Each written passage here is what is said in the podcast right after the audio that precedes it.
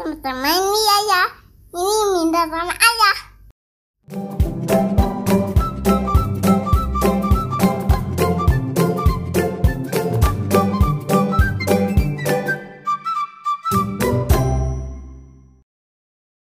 Hai hai hai, selamat pagi, siang dan malam. Kembali bersama kami di podcast by podcast yang sudah hampir setahun vakum. Bersama saya Bintang dan partner saya. Ajan. Halo Bu, lama tidak Halo. rekaman Bu. Apa kabar yang di sana? Akhirnya Bu kita rekaman lagi Bu ya. Mungkin sobat lebay udah pada kangen ini Bu. Betul nggak sih kangen nggak sih? Mudah-mudahan, mudah-mudahan kita doain yuk biar mereka kangen beneran. Iya dan ya akhirnya setelah sekian lama kita muncul lagi setelah setahun kita vakum rekaman dikarenakan Betul. dengan satu dan berbagai hal Yang sih, terutama karena sih karena kesibukan Pak kerjaan sih. Bintang. karena kerjaan kita masing-masing di mana Yap. yang kita tidak yang tersebut yang membuat kita tidak bisa terutama sih ter, Bu Ajen ya yang eh, aktivitasnya tuh sangat luar biasa padat Enggak, biasa aja. oh kan enggak menteri rumah tangga itu? doang. enggak dan kebetulan kita juga kadang-kadang masih eh, LDR jadi itu menyebabkan kadang-kadang pas ketemu Bu ya kita jadi kalian aduh nggak usah rekaman deh Iya, aja. bener quality time. Karena sampai eh, ketemu itu kayak, aduh, kapan lagi kita bisa cerita bareng, terus ngurus Hmm. bareng-bareng gitu. Jadi kita, duh, nanti dulu lah rekaman kayak gitu ya Pak ya. iya tapi ada satu lagi sih Bu kita malas mikir ide aja sebenarnya apa yang mau kita bawa Alasan sih ya, makanya ya. ada satu fase di mana benar-benar stuck nggak tahu apa yang diomongin akhirnya Mm-mm. ya udah ntar dulu deh ntar dulu ntar dulu akhirnya kebablasan sampai setahun Kita vakum, vakum, vakum di dunia ya. internet, iya, di dunia entertain. dan akhirnya setelah setahun vakum kita menemukan ide-ide lagi kita punya kesempatan lagi buat menyampaikan apa yang kita pengen sampaikan. Dan semoga kita bertahan di, di istiqomah kita ini Bu ya. Mudah-mudahan kita istiqomah buat melanjutkan podcast by meskipun jarak dan waktu memisahkan kita ya Pak. Oke, dan eh, untuk eh, ini kali pertama Ki juga buat kita, kita melakukan eh, rekaman ini via online. Jadi Betul. selama ini kami eh, melakukan rekaman itu biasanya barengan, tapi saat ini kami lagi LDRan, saya di sini dan Anda di di sana. sana. Betul. Kita berbeda tempat, akhirnya kita melakukan Memutuskan buat Iya, online. betul. Betul. Ya mudah-mudahan ini nggak mengurangi kualitas kita, Bu ya. C kualitas. Iya benar-benar. Tapi kan emang harus kualitas ya, ada quality controlnya. Quality controlnya soalnya ya ya. Oh, quality controlnya ya ya sekarang ya. Oke, Ya ya. nggak ikut siaran lagi tapi dia quality control acara ini ya. Wah, udah sangat dewasa sekali anak kita. Ya, sepertinya dia sudah remaja ya, Pak. Jadi Bu, ngomong-ngomong nih, kita tadi kan eh, seperti saya bilang tadi ya, kita sudah menemukan banyak ide-ide nih untuk dibahas. Hmm, kira-kira untuk episode kali ini kita akan bahas apa nih, Bu? Nah, ini dia. Tadi yang terakhir aku bilang apa? Aku bilang ya yaitu udah mau kayak anak remaja, ya nggak sih? Nah, Betul. Jadi yang mau kita bahas nih kayaknya gimana sih anak-anak yang dikatakan teenagers. Teenager. Jadi ya karena anak kita umurnya udah mau empat tahun dan lagi di fase-fase itu, kelihatannya kita bisa sharing sedikit lah Bu ya tentang teenager ini apa. Betul, kita sharing karena kita mengalaminya ya Pak ya, Iya. melewatinya. Meskipun Bapak ya eh, hilang timbul. Oke, eh, jadi kira-kira pengen tahu lah mungkin ya, teenager tuh apa sih Bu? Eh, bisa dijelaskan sedikit nggak ya? Teorinya tuh seperti Oke. apa?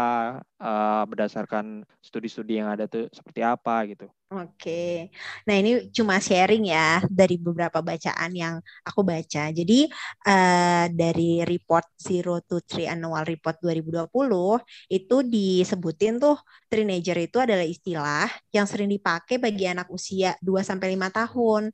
Nah, kenapa sih dia dikatakan teenagers? Eh, rentang usianya tuh 2 sampai 5 tahun, tapi memang banyak terjadinya pada usia 3 tahun.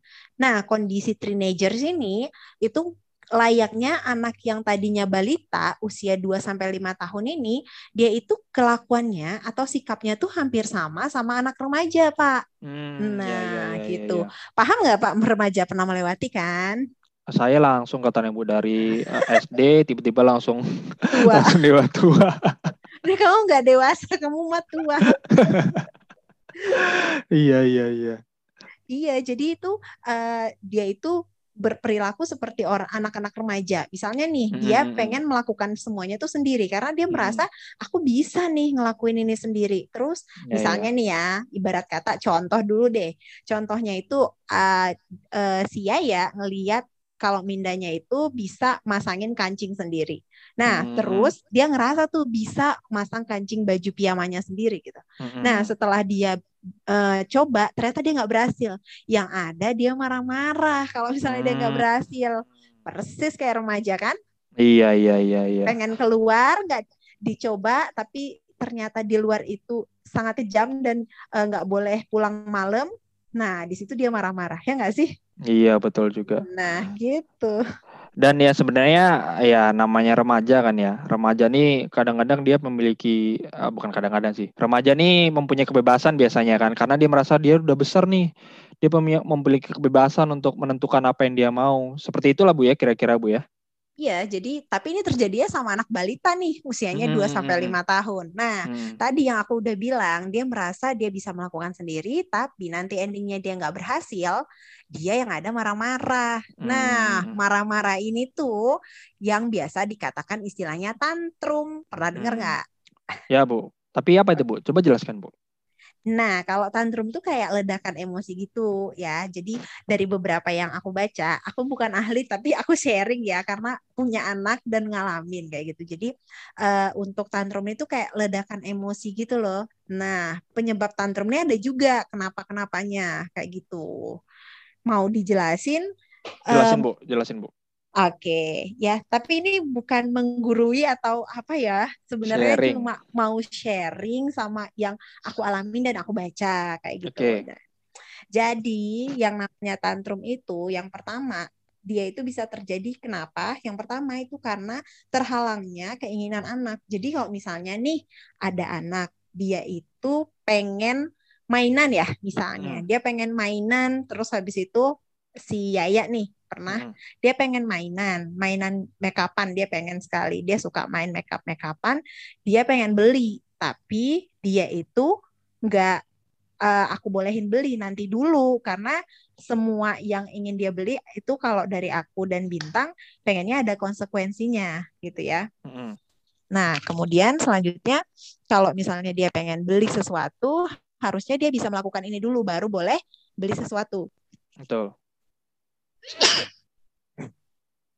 Terus habis itu karena dia eh, waktu itu beli make upan nggak dipenuhi, nah yang ada dia marah-marah karena Hmm. dia berhasil mendapatkan keinginannya dia kayak gitu.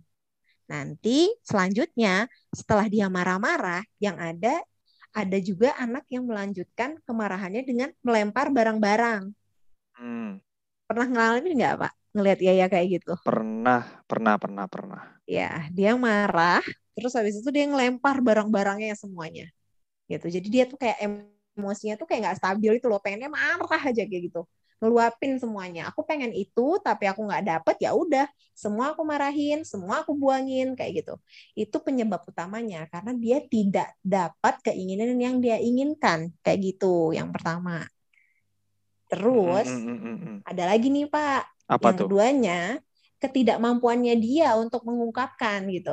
Nah, ini Ya. mungkin terjadi ketika Yaya belum bisa ngomong ya. Maksudnya Hmm, belum ya, bisa betul. ngomong. Ya, mungkin eh eh, Bintang Pak Bintang bisa menjelaskan pernah ngalamin nggak sih waktu Yaya kondisi kayak gitu?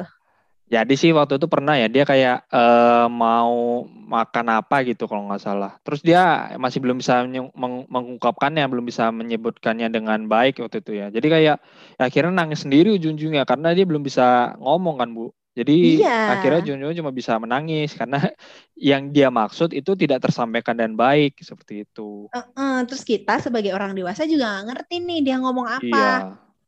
yang ada dia kesel gitu. Itu namanya tantrum karena dia memang kesal dengan keadaan yang ada gitu. Hmm, Gitu. Terus yang ketiga, yang terakhir. Yang terakhir itu tantrum karena memang dia ngerasa tuh nggak nyaman gitu.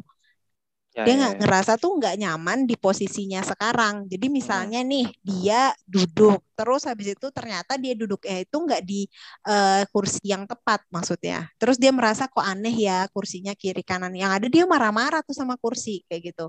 Pernah mungkin ya ngalamin anak terus habis itu dia duduk, kemudian dia kok tiba-tiba marah, lempar-lempar kursi, marah-marah sama kursi, itu mungkin karena dia nggak nyaman sama Iya, kursinya iya, iya, gitu. iya, iya. Kayak gitu sih. Ya, jadi sebenarnya banyak kelakuan dari anak-anak ini yang sebenarnya jadi mirip banget kayak remaja gitu ya. Karena sebenarnya dia itu pengen ngelakuin sesuatu. Kalau remaja mungkin dia pengen eh, pengen dapetin sesuatu tapi kadang-kadang nggak bisa kayak merasa aku tahu nih. Eh, tapi ternyata pada saat dilakuin nggak bisa terus marah-marah. Seperti itu lah Bu ya kurang lebih ya. Betul. Jadi itu Hmm. Teenagers tuh didominasinya itu dengan kondisi yang tadi aku bilang dia itu pengen sesuatu terus habis itu dia ngerasa dia bisa melakukannya ketika tidak berhasil dia marah-marah gitu jadi makanya ini tuh fase-fase di mana orang tua tuh kayak harus benar-benar ekstra sabar untuk ngadepin eh, masa teenagers yang didominasi oleh tantrum tadi kayak gitu Betul, betul, betul. betul. Oke. Dan ini dari eh, saya baca dari parenting.co.id. Jadi sebenarnya ada selain yang tadi dibilang-bilang eh bilang sama eh, Bu Ajan mungkin ya. Ini ada ke- coba cek kebiasaan di bawah ini yang di mana itu adalah kebiasaan-kebiasaan dari para teenager. Hmm, Contohnya apa? Mereka meminta spesifik lagu yang mereka ingin dengar di mobil. Oke, sering ya. Sering banget ya. Sering di mobil kadang-kadang ya lagu di Dinana Jojo dong. ya. Bobo boy kalau ya. Bobo boy dong. Hmm. Terus tadi mereka yang melakukannya segala sendiri. Tadi udah dibilang ya. Mereka selalu protes. Tadi seperti misalnya eh, nggak dapat Duduk make upan tadi ya. make upan nggak dapet, duduk nggak nyaman kayak gitu. Iya iya iya. Mm-mm, Terus benar. jika tin- Anda tidak membuat aturan yang jelas, mereka akan duduk nonton di depan TV atau bermain gadget seharian. Hmm, betul banget ini Bu Betul, ya. betul banget. Itu tuh kayak eh, tantangan banget ya bagi kita ya sebagai orang Ya. tua dalam kondisi kayak gini tuh. Mm-mm. Bener-bener deh. Terus Gadget itu luar biasa. eh, tidur adalah kegiatan paling mereka benci. Tidur siang sama sekali tidak ingin mereka lakukan. Dan di saat tidur, mereka akan berputar minimal 30 menit sebelum dapat tidur nyenyak. Hmm. Tapi tergantung sih kalau Yayang mah nggak nggak terlalu. Dia masih kayak sering tidur siang. Terus habis itu, nah ini barusan ada bobo boy. Oke nak, silakan boleh boleh. Eh, deh. Oke. Dan satu lagi, Bu, seperti remaja sengguhan, pengaruh teman sebaya juga jadi penting buat mereka. Mereka mungkin misalnya teman mereka tidak suka keju, tapi begitu, uh, misalnya gini, saya ulang ya. Misalnya Yaya lihat temennya uh, minum susu, semangat banget kan. Biasa kan Yaya misalnya minum susu pelan-pelan, tapi ketika temannya itu minum susu dengan, uh, dengan cepat, uh, dan akhirnya Yaya juga ikut dengan cepat, Bu ya. Seperti itu, Bu ya. Betul sekali ada social life. Ya, Live. bener, bener banget. Jadi dia tuh emang kayak eh, terutama sama sepupunya ya. Jadi kalau misalnya sepupunya minumnya cepat, susunya dia pun akan lebih cepat minum Iya, susunya kayak gitu sih, bener-bener sih. iya. Terus ini nih apa aja sih tri- tips and trick kalau misalnya ketika anak tantrum karena dia pada fase teenagers kemudian dia tantrum apa sih yang harus dilakukan oleh orang tuanya nah itu mungkin kayaknya kita sharing ya yang pernah Ya. aku lakuin Hmm. nah sebenarnya yang aku lakuin ini tuh based on yang aku baca gitu jadi Iya, iya, eh, iya. yang paling pertama tuh aku sama bintang kalau misalnya bintang tuh kamu ya pak Oh iya, iya. iya. Kirain orang lain. Saya kayak diwawancara sama siapa padahal sama lagi sendiri. Ya, jadi eh, apa namanya ketika aku sama bintang itu kayak ketemu kita tuh kayak berperan jadi baik satunya jadi yang tegas kayak gitu. Hmm. ya nggak sih? Iya, meskipun kondisinya kita virtual ya ya iya. sih ya meskipun kita virtual kita video call itu tetap ada yang jadi bawang merah sama bawang putihnya ya nggak Iya, Ah, betul. iya benar Karena ya kalau kita eh, anak kita melihat kita marah dua-duanya itu kadang-kadang dia menjadi merasa tersudutkan yang itu yang eh, jadi lebih Kita. berbahaya sih menurut eh, menurut kami dan karena kalau kami sih mikirnya satu yang benar-benar yang tegas, satu diam aja posisinya, posisi Iya, netral, jangan nggak jangan boleh ngebela menyudutkan dua-duanya. Iya, jangan ngebela Betul. dan jangan menyudutkan juga. Jadi posisi netral aja. iya Jadi di situ kadang-kadang melihat anak-anak jadi tidak merasa tersudutkan, Bu ya. Iya betul.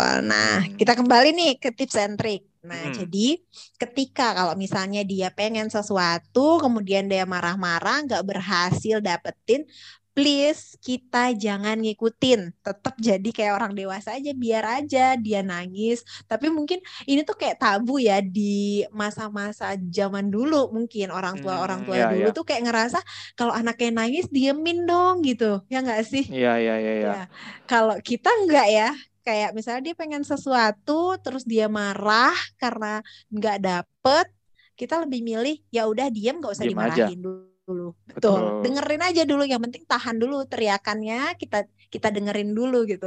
Kuncinya Iya. kita harus dengerin dulu teriakan dia, kayak gitu sih. Betul betul betul. Dan ya jadinya dia nggak nggak jadi manja juga, nggak jadi langsung minta semua dikasih gitu kan. Dan itu juga merupakan eh, cost effect lah jatuhnya bu. Jadi kita dia melakukan dulu apa yang kita mau, baru dia dapat rewardnya juga. Betul. Jadi Punish and reward kok cost effect. Punish. Ya. Terus kalau menurutku gini, kalau tadi kita kan udah diemin dia kan. Nah, please ketika kita diemin dia, kita nggak usah, maksudnya nggak usah bujukin dia. Yang ada dia bu- dibujukin makin marah posisinya kalau Ya, Yaya ya, ya. ya. Ya. Ya, kalau ya yang aku alamin tuh Yaya kalau dibujukin, kemudian di udah udah diem dulu, udah diem dulu itu yang ada makin marah. Udah diemin aja, bener-bener diemin. Terus habis itu perhatikan di sekitarnya itu barang-barang ada yang berbahaya apa enggak. Kalau yang ada yang berbahaya, please jauhin. Karena anak-anak ini kalau lagi marah, bener-bener kayak remaja ya, segala barang yang dia ada dekatnya bisa dilempar sama dia kayak gitu. Tapi alhamdulillahnya Yaya nggak berada pada posisi itu gitu. Tapi kalau dari ba- baca-bacaan yang ada, disarankan menjauhkan barang-barang yang berbahaya kayak gitu. Iya. gitu. Jadi ya eh, semua itu sebenarnya sih yang udah pernah kita lakuin bu ya. Jadi nggak eh, dan berdasarkan yang pernah kita baca juga. Jadi ya mungkin dari pengalaman orang tua lain berbeda juga. Ada yang Betul, berbeda. kita ceritanya baca teori terus kita praktik, ya nggak? Aplikatifnya praktikum, betul. praktikum, kita praktikum, gitu sih. Jadi sebenarnya kunci utama menghadapi fase teenager ini adalah sabar. Betul dan ya udah kita berlaku selayaknya orang dewasa kepada anak kita juga kita kayak kalau misalnya dia ada melakukan kesalahan kita eh, sampaikan kamu salahnya ini kemudian kasih sentuhan pelukan sama dia kalau udah selesai nih dia tantrumnya atau marah-marahnya itu pelukan dia tapi tetap jalanin hukuman yang udah kita sampaikan ke dia kalau Punish Yaya itu reward. Ah, tuh. Benar, kalau Yaya itu sering ya, Pak Bintang sering denger ya kalau Iya. lagi hukum Yaya gitu ya. Mm, ya. Gitu Jadi eh, mungkin itu sedikit tips-tips dari kami menghadapi fase-fase teenager ini yang kebetulan masih dua tahun lagi bu ya, hampir dua tahun lagi kita mengalaminya, menjalaninya. Tapi dia udah mulai dewasa sih. Uh, sebentar lagi tua kayaknya. Kalau sebentar Kan tadi udah teenager tiga tahun, terus ntar empat tahun dia dewasa, lima tahun dia udah tua kayaknya. Jadi mungkin bisa bermanfaat buat uh, sobat lebay semua yang sedang mengalami fase yang sama dan kami. Ya mudah-mudahan sih uh, jadi pelajaran juga buat uh, kami ya kalau ada masukan-masukan nanti ih, sampaikan aja ke kami. Mungkin ada cara yang kami salah atau bagaimana gitu Bu. Iya betul. Di sini kayaknya formal gitu ya Pak Bintang kayak nggak suami istri ya. Oke, Oke ya udah deh, kelihatannya cukup ini aja untuk episode kali ini. Jadi episode-episode lainnya nanti mudah-mudahan kita akan bahas banyak lagi ya Bu ya. Ide-ide yang sudah terkumpul cukup banyak, jadi kita akan bahas di episode lain. Dan berhubung kita masih di masa pandemi, jadi tetap kami ya, Prokes. prokes dijalankan, tetap di rumah saja dan jangan lupa vaksin selagi bisa. Betul nggak Bu? Betul. Oke, sekian dulu dari kami podcast by. Kita berjumpa lagi di episode mendatang. Sampai jumpa. Selamat pagi, siang, dan malam. Dah.